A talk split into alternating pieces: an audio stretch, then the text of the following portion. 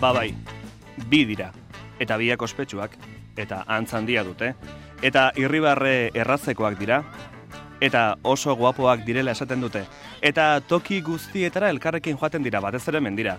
Biak baitira mendizaleak eta gailurrak egiten dituzte, eta abenturak bien artean kontatzen dituzte, eta izenez deitu beharrean, deituraz deitzen diete.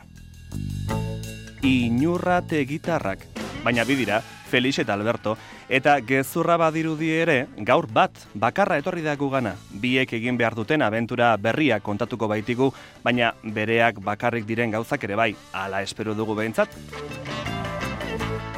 Feliz inurrategi da bera eta gazte jazkera ekarri digu, bera ere ala izaki. Ikusi batera mendizalea ematen du gainera, Alkandora kuadroduna ekarri du, kuadro bizikoa, kolore askotakoa, lodia, jertxearen eginkizuna betetzen diona nonbait. Alkandora irekita dauka eta niki grisia ageri du biztan, kuelioan botoiak dituen horietakoa, iruzpalau botoi, denak askatuta. Niki barruan betiko kamiseta txuria biztan. Horrek behar bada bere aurpegiko morenoa nabarmendu arazi egiten dio baina, lepoz gorako utzi eta gerriz beherakoari begira diezaiogun. Galtza beltzak, bakero etxurako horietakoak eta zapata marroiak lokarri dunak. Feli sinorrategi alde batean, parez pare, betikoak, tere beloki, nekane peinagarikano, edarantza iturbe.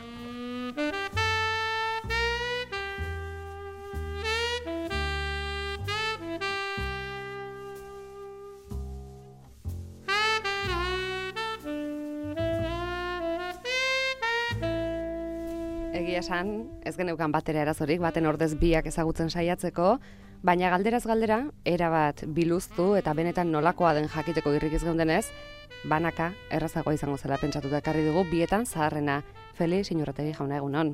Bai, egunon. Egia guztia esaten hasita bietan ez hiruretan zaharrena da Felix, bigarrena ezagutzen duzue Alberto eta hirugarrena agurtzane da.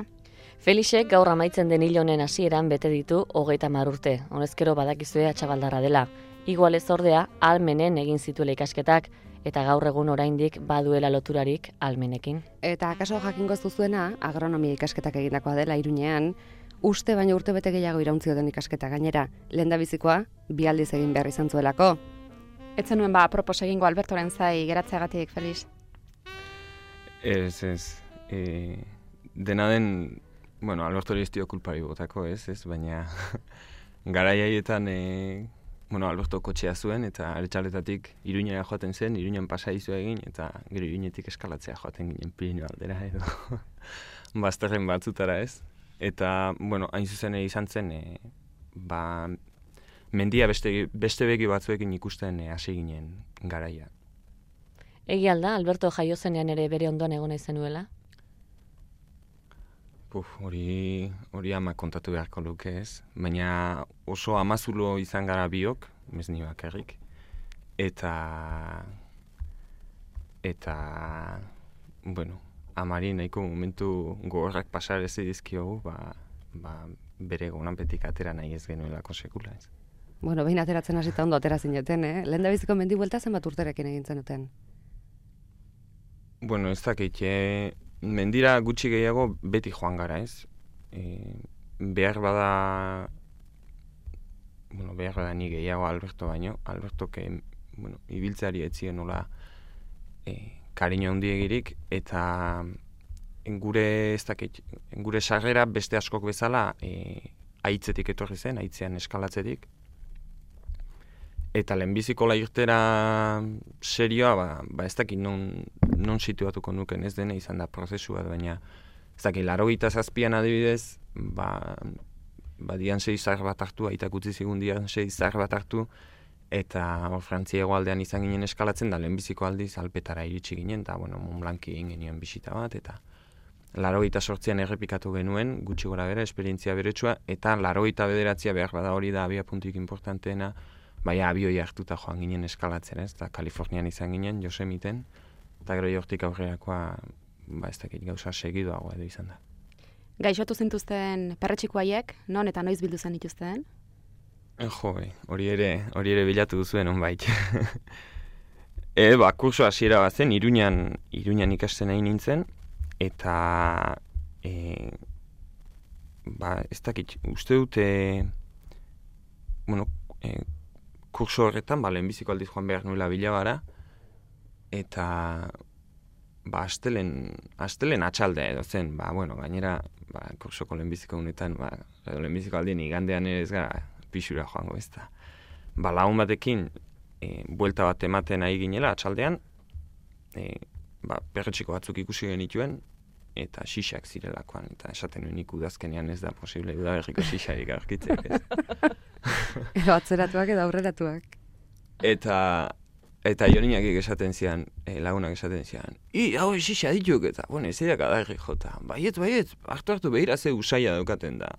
Jo, hartu eta xixa ustaia zeukaten da, gero, bo, espaldian enei xixa bila ibili ez, baina, ba, nuen oitura horrean, bodagarrian xixa bilatu ezkeo gordinik jatekoarena, ez, bat, bat txikia baldin bazien da oso finak izaten dira. Eta, jo, probatu nituen, eta, jo, xixak zien. Bildu genituen, etxea eraman, amari, eta amak ere, ba, perre txikuta asko pasatu du esku artean, da, jo, hola, e, lehenbiziko bizta zuan, ba, bueno, ba, bai xixa ziela, baina berak ba ezpa ere etzituela jango, eta bueno, ba, jango ditugu. Demaseko tortilla intzigun, erdi bana jangenuen, eta, bueno, bera, arrasatera joan zen, dani bilabara. Bilabako jaiak ziren gainera. Eta iritsi bezain laster, e, bueno, txala bota nuen, eta eta bere ala piztu zitea da mon bila, jo, perretxikoak.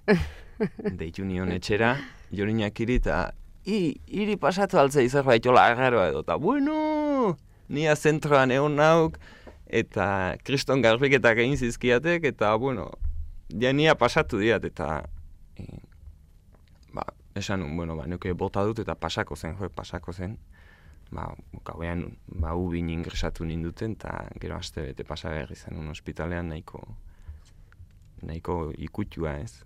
Arrazkero peretxikuri janduzu? Bai, honintzen urte batzuk, e, ba, ikusi ere ezin nituela inoiz, baina, bueno, poliki poliki berriz konfiantza hartu egiten da. Barizela pasatako altzara? Ez dut ideik, eh. Hori ere amari galdetu beharko genioke. Bai. Bueno, jakingo duzu gutxienez almenen egin zenuen trastadarik handiena zein izan zen. Jo, ez du goratzen gu nahiko, nahiko ikasle txintxoak izan ginen, eh? Eta hola trastadatan, ba... E, eske ez dakit, ez dakit. E, nahiko memoria txarrekoa nahi zolako gauzetarako. Notarik onenak, zertan ateratzen zenituen hori gogoan alduzu? jo, ba... Ez dakit, nahiko irregularra nintzen, eh? E, adiez, gehiago gustatzen zitzaizkidan zientziak letra baino, baina zientzietan letratan baino nota kaskarragoak ateratzen dituen normalean, ez? Eta... Ez dakit, e, hola, kursoi brillantena bigarren bupe duzte dut atera nuela, gero poliki-poliki beraka joan nintzen karreran sartu arte eta orduainak kriston desastreak egin, ez baina... Jarreratan, konportamentuetan, ze ohar jartzen zizuten? Ba, normala, normala. Ez ginen santuak eta ez diagoak ere ez da... Bueno, bintzate e, gurasoek asko behiratzen zioten e, bigarren e, zutabeari, ez? Eta, bueno, bintzate horre, ba, nota normal xamar bat ateatzea importante izaten zen. Ba, kontenidoetan ere bai ez, baina komportamentu ere garaietan e, gurasoek asko behiratzen zuten gauzi izaten Garai hartan izan dako lagunik onena? Jo, ba, ez dakit, e, bueno, joniak irekin beti izan dutola, ba, ez dakit. Handia, abenturaren ondoren ere bai. Bai, ondoren, eta aurretik, eta ez, e, ini- dena den ez, inoiz ez dutola, e, e, e, enuke bere iztuko sekulola lagun bat, e, bueno, taldea kuadrilla, ez, denak. Eta kurtso bukaeraren bateko bidaiaren bat, bereiztuko zenuke? Ola bereziki gogoan geratu zaizuna? E, bueno, ume, umetan joaten nintzen, ez? Ta gero e, bukaera aldera, e, ez dakit, ja bohemio trezak hartzen hasi, hasi ginen ordutik edo, baina e, hauetako ez dakit ze kursotan egiten diren e, aste beterako irterak eta bar, eta enintzen horietako batean ere apuntatu. Zergatik? Ba, ba ez dakit, ez dakit. Eta kanpora joan zineten lehen biziko porrak, non izan ziren? kanpora joan ginen lehenbiziko oporrak. Ba... Ah, jo, e, bai, Pirineotara joan ginen, e, bigarren bupen edo genbiltzala hori izango zen laro eta bia edo. Eta goratzen du lehenbiziko irtera hola oporretan oporretan, ba, urase aste bete amarreguneko irtera bat, piegrafitara joan ginen, goratzen du e, Jorinaki, Joseba, Igor eta Lauok. Eta horrean igo genituen fatxa, irumilako gure lehenbiziko mendia, eta balaituz da hueltatu ginen, ez dakize baino, pozago. Kontentuago. Zergatik aukeratu zenuen agronomia? Mendiaren antz gehiena horrek Ez. zuelako? Ez, etxean beti izan dugulako, e, bueno, baserria edo, edo animaliarekin, animaliekin ze e, harreman edo lotura handia ez, aita eta ama baserriko, baserriko seme alabak dira, eta eta gero ere naiz da orain kalean bizi diren joan daneko goita ama piku urteotan, ba, ba beti mantendu dute harreman handi bat, eta eta eta bueno, guk ere bati bat aitaren eskutik ba asko bizi izan dugu e, ba, ez dakit, aitak beti izan ditu ardiak eta behorrak eta holako kontuak, ez? Eta, eta ez dakit gustatzen zitzaidan gauza bat zen, eta, bueno, zerbait aukeratu egin behar zen, ez? Zertarako balio izan dizute ikasketa horiek? Bueno, ba, letxuga landatzen hasteko ez, desde luego. e, ez dakit, nik uste dut e, ikasketak berai baino gehiago izan zela bost urte iruñean, ez? Eta e, uste dut, bueno, urte handiak izan zirela, haiek, ez? Eta, bueno, ikasketak egiteaz gaina, ba, bueno, beste gauza asko egin nituen, ez? Eta batipat, e, e, mendira begira, ba, bueno, oso jende interesgarri ezagutu genuen, eta haiekin hasi ginen, e, bueno, beste pauso batzuk ematen. Eta ikasketak, ba, bueno, beti ematen dizute, ez dakit, ez, pixka jantzi o, o erantzi, ez dakit, ez, baina, bueno, ordena pixka beti jartzen dute. Lehen da biziko parranda? San Juan batzuetan, laroita batean oso kerrezpanago, eta oso berandu joan nintzen etxea goizeko bustak aldera edola, eta, eta bueno, urrengo gunean, demaseko bronka izan nuen etxean. Urrengo gunean, handik ordu batzutara. Bertxotan deklaratu altzara inoiz? E, ez dut uste. Ez dut uste. Ez zara akordatzen horretaz ere. Ez. ez. E, bersotan igual e, an, nire garai romantikoagoetan ba ez dakit eskutitzen bat edo beste idatziko nuen, bai idatzi nuen, bai horretaz gogoratzen naiz, baina deklaratu ez dut uste bersotan inoiz deklaratu naizenik. Askotan maite bindu altzara. Bueno, batzutan, ez? Eta inoari zuk esan zenion zerbait ala beak esan zizun. Jo, ba, hori, hori ere ez du gogoratzen, ez dakit. Ba, uste dut erdi bidera aterako ginela, ez? Hori etzen baina aspaldian izan, ez da? Ez, bos bat urte edo etorriko dira, hor nun bai. Dantzan zer moduz moldatzen zara, Felix? Oso gaizki, oso gaizki. Txarra benetan. Noiz erabaki zenuen mendizale profesionala izatea? E, inoiz ez da, gaur ere, gaur ere ez dut uste hola erabakia daukadanik, edo daukagunik tema hauetan hitz egiten dudanean beti pluralean, e, hitz hitz hitz egiten dut, Bai, hitz egin behar jabetuta, dut, ez? jabetuta gaude. Ez, e, jendeak e, e, aspaldidanik esan izan digu, ez? E, ba, zue profesionala zaretenok eta bar, eta gu ez gara profesionalak, bueno, ez gara izan profesionalak, ez dedikazioaren e, ikuspegitik, ba, ezin izan diogulako, ezin izan diogulako dedikatu mendiari, ba, ez dakit, e, e, jornada osoa edo, eta e, bizi iturri edo diru iturri bezala ere, ez, ez, ba, ez garelako bizi izan mendia egitetik. Gaur da eguna, e, ba, tortilari buelta ematen ari garena, baina gaur, eta oraindik ez diogu emat, ba, ematen ari gara, ez? Eta, bueno, ba, e, firma batzuekin, edo etxe komerzial batzuekin, ari gara kontratu batzuk e, egiten edo egin nahian, eta behar bada hori izango da e, profesionaltasunera salto egiteko urratxik e, nagusiena, eta behar bada, ba, hemendik hilabete batzuetara ba, esan halko dugu, ba, bai, ba, mendiko profesionala garela. Gaur oraindik ez dut uste esateko kondiziotan gaudenik.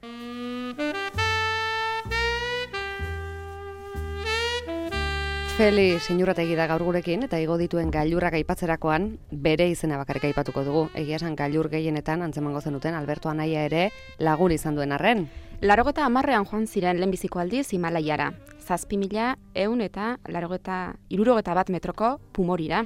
Larogita amaikan hasi ziren zortzi milatara igotzen, urte hartako irailaren hogeita marrean zapaldu zuten makalu. Urte bete beranduago Everest, Everest. Oxigenori gabe egin zuten lehen Euskaldunak. Larogeta amairuko udan kabira abiatu ziren iparraldeko bidetik, ura izan zen lortu gabeko gailur bakarra. Ez zuten etxial ere, larogita malauko udan berriro jo zuten kabira, oraingoan, orduan, hegoaldetik, San Juan egunean, gailurrean ziren. Larogeita ama bostean, bi zortzi milako. Txoiura, irailaren amaikan, eta lotxera, hilaren hogeita zazpian. Larogeta amaseian, iaz, beste bi sortzi milako, kantxen junga, maiatzaren seian, eta xixaparma urriaren amaikan. Aurten, maiatzaren amarrean berriz ere abiatzekoak dira. Oraingoan, Broad Peakera, zortzi mila eta berrogeita zazpi metotara dagoen gailurera. Bianaiak bakarrik, eta mendi honetan bide berria irekitzeko asmotan. Honela kontatuta Felix egia esan, zuretzat zortzi milakoak igotzea, guretzat irratiz aritzea bezain erreza dela dirudi. Keba, keba, nik zuek nola izaeten ikusita, guk mendi baina asko zazerrezago egiten duzu egoizeko saioa. Datorren astean bertan, brupikera. Bai, amarrean garateatzekoak, larun batean, eta eta ez dakit, ba, ilusio handiz hartu dugun proiektu bat izan da, bat, ba, bueno, ez dakit. E, bueno, guretzat behintzat e, oso osagai erakargarriak dituelako, ez? Batetik, e, bueno, bide berri bat egitea. Zergatik bide berria? E, bueno, larogeita malauean pasatu ginen, eta ertz bat ikusi genuen oso polita, argazki pila bat atea genizkion, eta gero enteatu ginen egin gabe zegoela. Eta beti du, mendizale artean beti du gantxo handia ba, gauza berriak egiteak, ez? Eta gero estetikoki ere, ba, bueno, oso, oso politia da. Eta, bueno, Bazoaztela. Bai, eta bagoa zela. Zoazte ordea biak bakarrik. Bai, eta hasieran e, errespetu pixka bat ematen zigun, bueno, errespetu orain bai, ez? Baina, baina orain, ba, behar da, em, beti eramaten dugun ilusio hori, ba, areagotu egin du, ez? Ba, bio bakarrik egiteak, ba, kompromisu horrek ematen dio olako, ez dakit, e, zerbait berezia, ez? Eta e, pumorin ezik gainerako espedizio guztietan, e, ba, jende gehiagorekin izan gara espedizioan edo gailurretan, eta oraingoan ba, biokompromisu hori hartzeak, ba, ez dakit, e, piztu, piztu egiten gaitu ez, eta, eta postu ere bai, gero ikusiko dugu zer ateratzen den, eta ez garen asarretzen eta horrelako gauzak ez, baina... Hori bueltakoan jakingo du. Gailurra, noiz zapaltzeko asmo duzu, eh? Kalkulatuta daukazue? gailurra ba, ikusiko dugu e, hilarri betea adibidez ekainaren hogeian da eta bueno e, fetxa posible bat e, izan daiteke baina dena den oso goiz da e, irailaren e, hogeia e, maiatzaren bukaerarako izango gara beko kanpainduan da hogei egunetan ez dut uste prestaketa lan guztiak egin eta gora jotzeko moduko moduan izango garenik hortik aurrera izan beharko du, ba, ez dakit, e, San Juan eta San Fermin bitartean edo, hor nun. Hau zemagarren sortzi milakoa da, Felix? Sortzigarrena, e, dena den, e, ez dakit, jendeak e, sortzi milakoen e, kontu eramaten ardura handi hartzen du, ez da, eta guk ez hainbeste. Zema dira guztira? Amalau dira nagusiak, baina tontorrak guztira uste dut hogeita hiru bat edo badirela, ez? Zuen helburu ez da izango denak igotzea. Ez ez hogeita hiruak eta ez amalauak. E, dena den, ba, e, gure, ez dakit, gure espezializazioa edo geure lan esparrua, ba, hori da ez, al, altura da, ez hor, hor saiatu gara gehien eta eta geure terrenoa ba hortzen markatu dugu. Dena den, e, uste dugu importanteagoak direla, e, importanteagoa dela behar bada estetika bera e, kantidadea baino, ez, eta e, balore handia ematen diogu e, zailtasunari eta eta egiteko moduari formari, ez. Eta bueno, e, poliki poliki pauso batzuk emanaz goaz, listoia gero eta goraxeago jarriz, eta, bueno, ba, urten e, Brad Pitt egingo dugu, baditugu, ba, sortzi milakoetan beste beste idea bat edo beste, beste proiektu bat edo beste, ba, oso politiak eta egiteko modukoak izan daitezkenak, baina, baina lasai asko joan gaitezke zazpi mila metrotako mendi batetara, edo beste movida erabat e, diferentea planteatu. Ea, konta iguzu bitzetan zer daukan mendiak, zuretzat? Zer duen? Gu konbentzitzeko? Bueno, ba, nik esango nuke mendia aitzaki bat baino ez dela. E, bueno, aitzaki bat e, etxetik atera eta munduan ibiltzeko, ez? Eta ez dago munduan ibiltzeko ez dago Himalaiara joan beharrik. Ez, hain aldu joan gabe ere ikus liteke mundua. Ez, e, ez dakit, jaste santutan adibidez, e, e, Andaluzian izan gara, ez?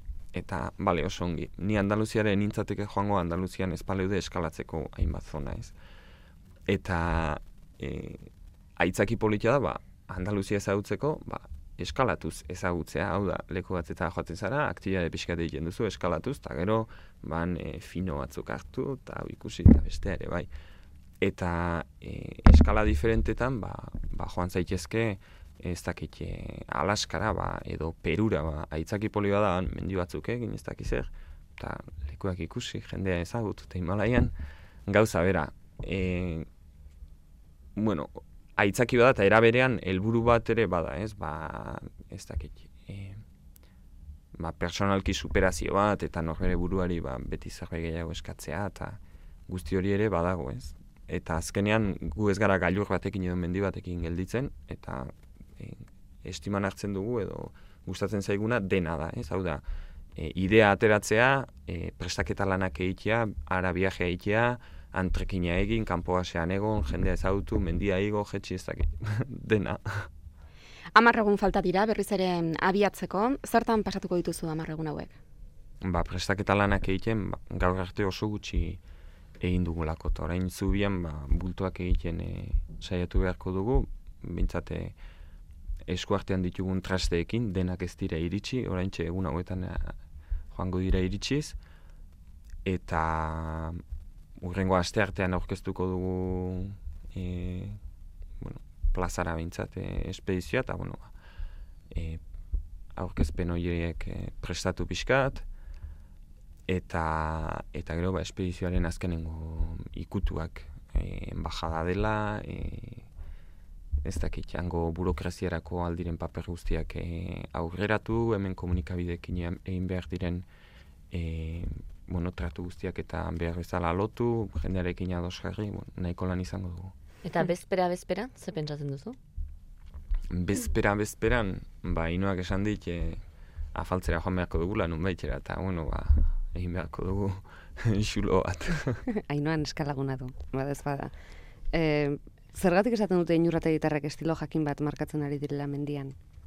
Nik ez dut uste horren estilo ez, ez dakit estiloa markatzen ari garen iguke ez dugu ez errasmatu eta eta bueno, ba, begira, begira, begira, begira, ba, jendeak eh, hainba jentek han eta hemen egin duena bilduz, ba, geure terrenora edo edo geure etxera e, geure etxean moldatzen den e, ba, bide bat e, egiten ari gara, baina ezer originalik egin gabe. Behar bada importanteena izan da, e, bueno, prestaketa fisikoa, ba hemen e, urteak eta urteak joan dira, e, pekatu zena mendizale izanik entrenatzea, ez. Eta jendari lotxa ematen zion, e, zerbait egiten baldin bazuen ere, ba egiten zuela esateak. Eta, bueno, ja prestatzaile fisiko batekin da zerbait programatu egitea, hori hori zen e, ez dakit pekatu da, ez. Eta, eta bueno, gu berriz eskala deportibotik gento zenez, eta orduan ere naiz da geure kasa ez bazen ere ba, entrenatzen genuen, zerbait egiten genuen, eta pixkat mentalidade hori trasladatu dugu ba, Himalaiara begira, ez?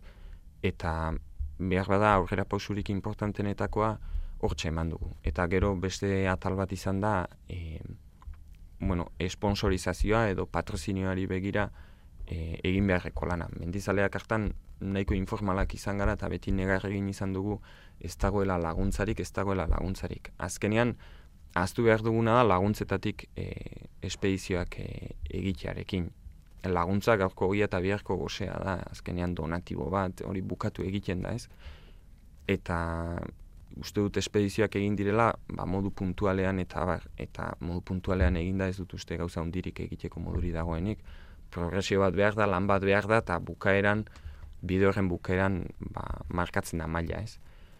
Eta hortaz, ba, hor lan pila bat egiten ari gara, ba, e, hau da, e, dirua jartzen duenari buelta nola, nola eman, ez? Eta garbi dagoena da, buelta eman egin behar zaiola.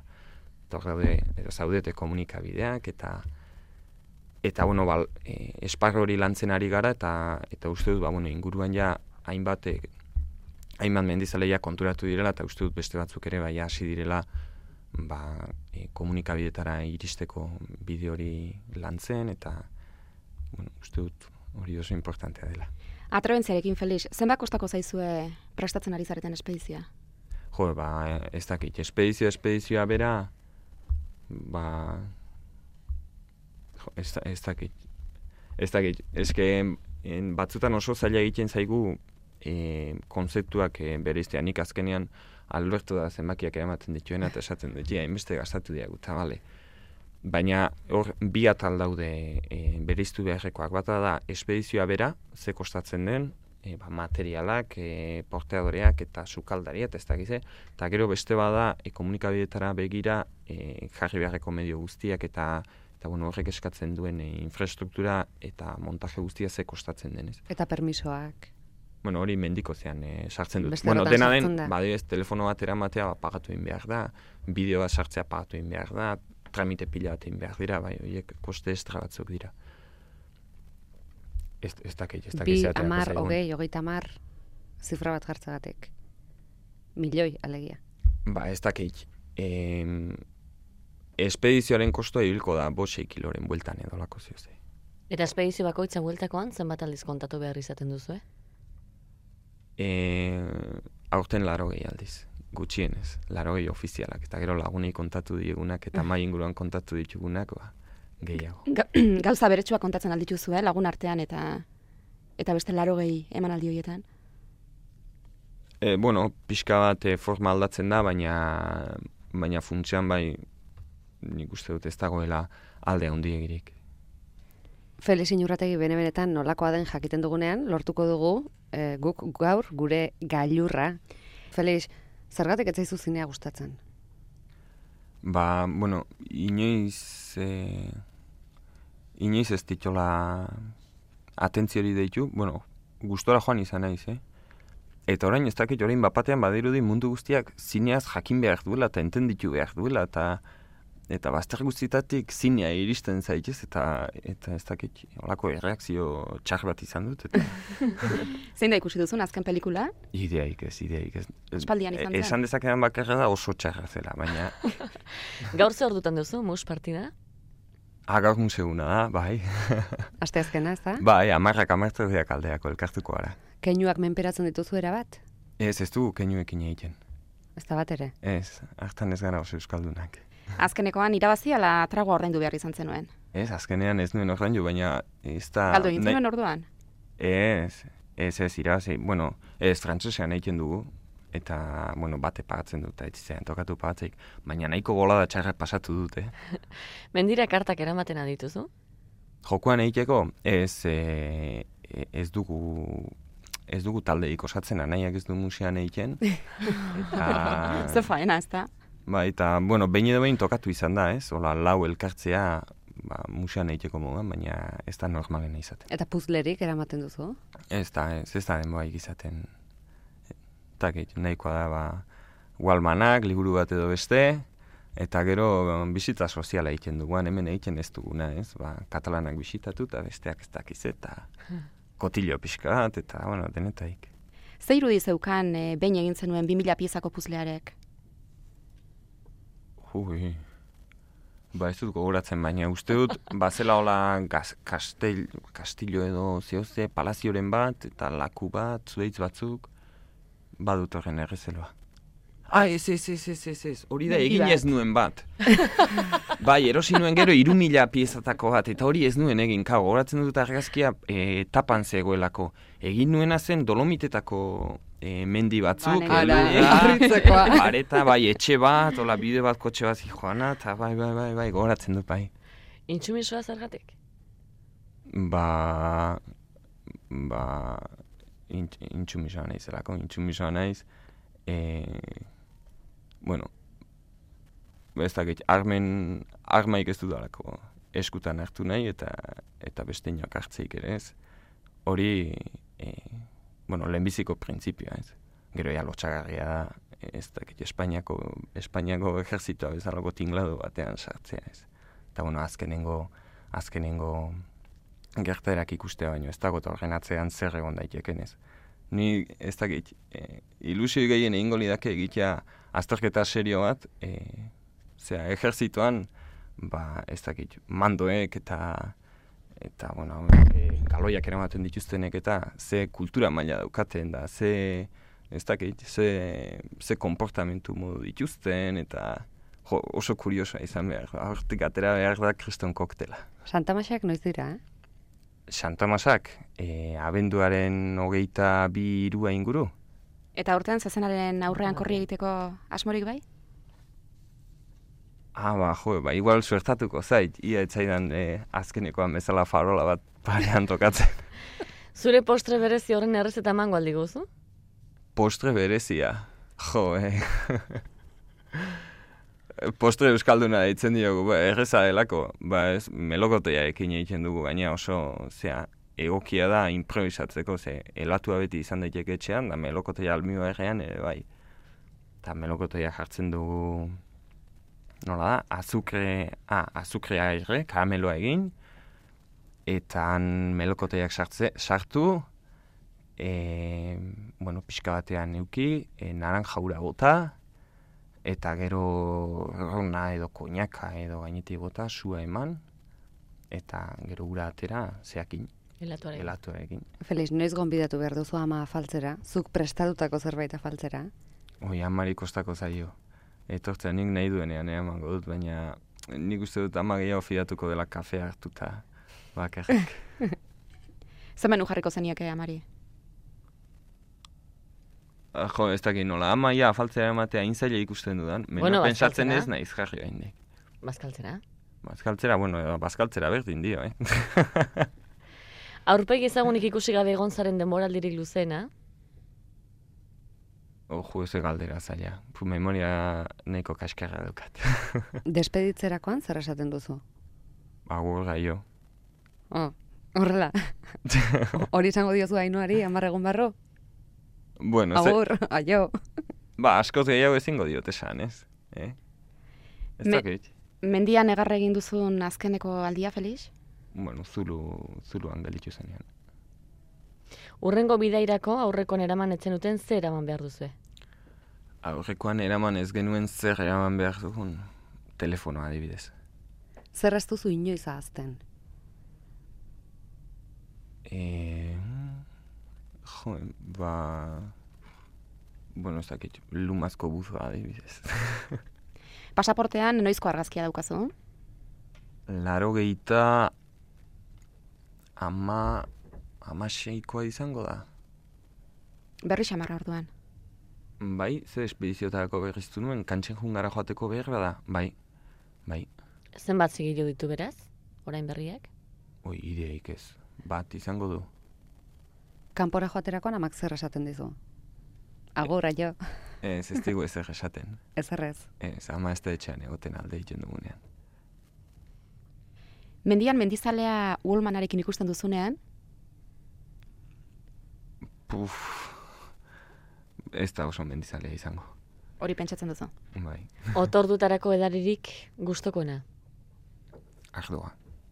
Jaten kanpoan ikasi duzu, ala lehendik ere bazenekien? Bueno, etxean beti erakutsi digute janaria prezia egiten eta eta gero kanpoan ere ba, ba uste poliki poliki lantzen den e, gauza dela. Zein da ahora eraman duzun jakirik arraroena? Jo, ba, oso espeziala naiz. Egia esan, etxean e, jateko ez du tinungo arazoik ez. Baina, kanpoan gauza agerroak agertzen dienean, nahi hau duk osea pasatzea ez. Adiz, karakolak izan ditut bi aldiz. Ola, hau parean, barrura sartzeko prest eta, eta ez dut adorerik izan barrura sartzeko gauza agerroekin oso nire oso agerroa naiz. Une honetan zen badiru dara mazu, Patrikan? Askoik ez, ez dut, ez dut diru askoik erabiltzen. Gainera kontuak albertok egiten ditu. Eta nola dirua albertok ematen duen, edo kontua gintzatua. Azkeneko propina hori eman zenian? Ez du diek, ere, segurenik eh, espedizioan, ezakit, portearen bati, edo kanmanduko zerbitzaren bati, edo... Mendi poster asko aldaude zuen etxean. E, hombre, batzuk egongo dira. Dena den, ba, orain ja askoik ez neguan milaka batzuk partitu dituguta. Zenbagarren metrotik gora gogoratzen zara etxeko oeaz? E, ez dut faltan botatzen e, etxeko hoeik. E, egia esan, etxean bolada bat oean egin da gero, e, estiman hartzen dut. E, lumazko sakoan lo egitea. Eta, eta, ezai, kariño handia diote, lumazko sakuari, eta oso gustora egoten naiz. Faltan botatzen dut, mendian goian gaudenean, saku txikiekin eta modu txarrean faltan botatzen dut beko kanpamentuan dagoen saku handia, ez? Amets, Saku handian dagoenean, etxeko ea, eta jemestako erratzen. ametsko purua iguala izaten da, mendian ala etxean. Ba, ez dakit hemen boladak izaten ditut adibidez, ba orain espedizioaren atarian ba, oso estresatuak gabiltzala eta nahiko gau astoratuak pasatzen ditut ez. Eta mendian berriz ba oso gau lasaiak izaten ditugu. Zenbat telefono dei egiten dituzu pora izabiltzanean? Oso gutxi, oso oso gutxi. Ba, po, hainoak ere atzo kartilerako zidan aspaldian, aspaldiko espedizioetan oso gutxi idatzi dio, bueno, oso gutxi, azkenengo espedizioetan uste du batez, eta ia telefono deiak ere urritzen ari direla, eta jo, ne, ne, ez gutxi. Azkeneko pelota partiduan zer egin zenuen? Galdu, galdu, eta gainera, bueno, partiduan ez partiduetan, demaseko errepaso eman ziguten. Asteburu honetan ere jokatu behar, ala ja... Ba, Bultuak egiten. Jo, e, ba, ez da, nik uste dut artetxoa tateako dudala, eh? Joan aurretik azkenengo partidua, eleoke gaizki. Elkoro ala arretxe izango da txapelduna? Hombre, elkoro nahiago iputxa da. eta. Inoiz aholkurik eskatu aldizute. Bai, ba, ez dakit mendira joateko, ba, bateko eta besteko beti izaten da, ba, zalantzatan dagoen norbait, eta, Noiz arte ikusten duzu zure burua, gailurrez gailur. Ez dakit, ez dugu, ez dugu helburu zehat bat, epe luzera edo begira, eta, ez dakit, ikusten dut, nazkatzen izen arte. Berriro jaioko bazina? Berdin ez dut ezeren damurik.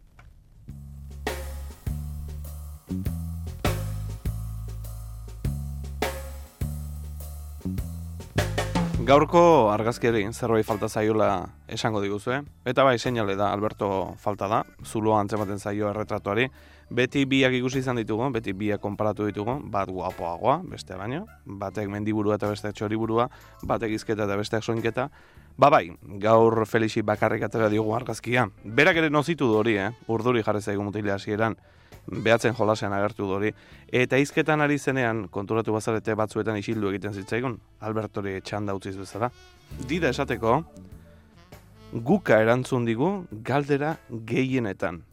Mendia beste begi batzuekin ikusten hasi ginen, oso amazulo izan gara biok, amari nahiko momentu estuak pasarizi dizkiogu, bere gonapetik atera nahi ez genuelako.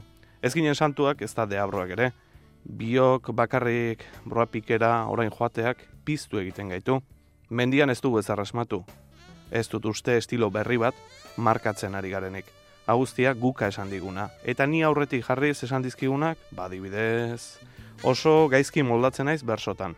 Mendia itzake bat besterik ez da etxetik atera eta mendian ibiltzeko eta porrai joateko. Zine etzai gustatzen, insumisoa naiz, ilusioa egingo lidake ejertzitoko manduen azterketa egingo balute, hortik kriston koktela aterako litzateke. Ah, oso mendizale bazara, mendirako golmanik ez, eta gauza arraroetan ni ere oso arraroa naiz. Feliz inurrategi gaur larru horretan, ezagutzen duzu, kromoetako tipoa da, aldagai asko dituen panpin horietakoa. Tombolan, sari preziatu izango litzateke Feliziano. Irribarre egiten duenean, itxura hori hartzen du, Feliziano itxura alegia. Ez da gozotik bakarrik probatutakoa izango, gezatik ere izango du, baina ez dakiz zergatik dena ondo atera, dena ondo egiten duela ematen du. Hori inurrategiren beste alderdia izango da, aurpegi luna. Noiz honen berri izan dugu, mendiko sekretuak isiltzen ez zituen telefono bidez, zuluren agertatu zeneko negarra, konparazio baterako. Lotsati izango da Felix, ez dakiz seguru, eh? baina irudipena. Tontotik deusez, guapotik dena, bueno, hain famatu egin zaizkion behatz kastigatuak ezik. Azken oharra, Felixek ia dena pulsaziotan neurtzen du. Eunetik gora jarri bazaitu, eta zure ametsetako mutila bada, ez ahaztu mutil hau lotean dagoela salgai, baina ez ofertan, eh?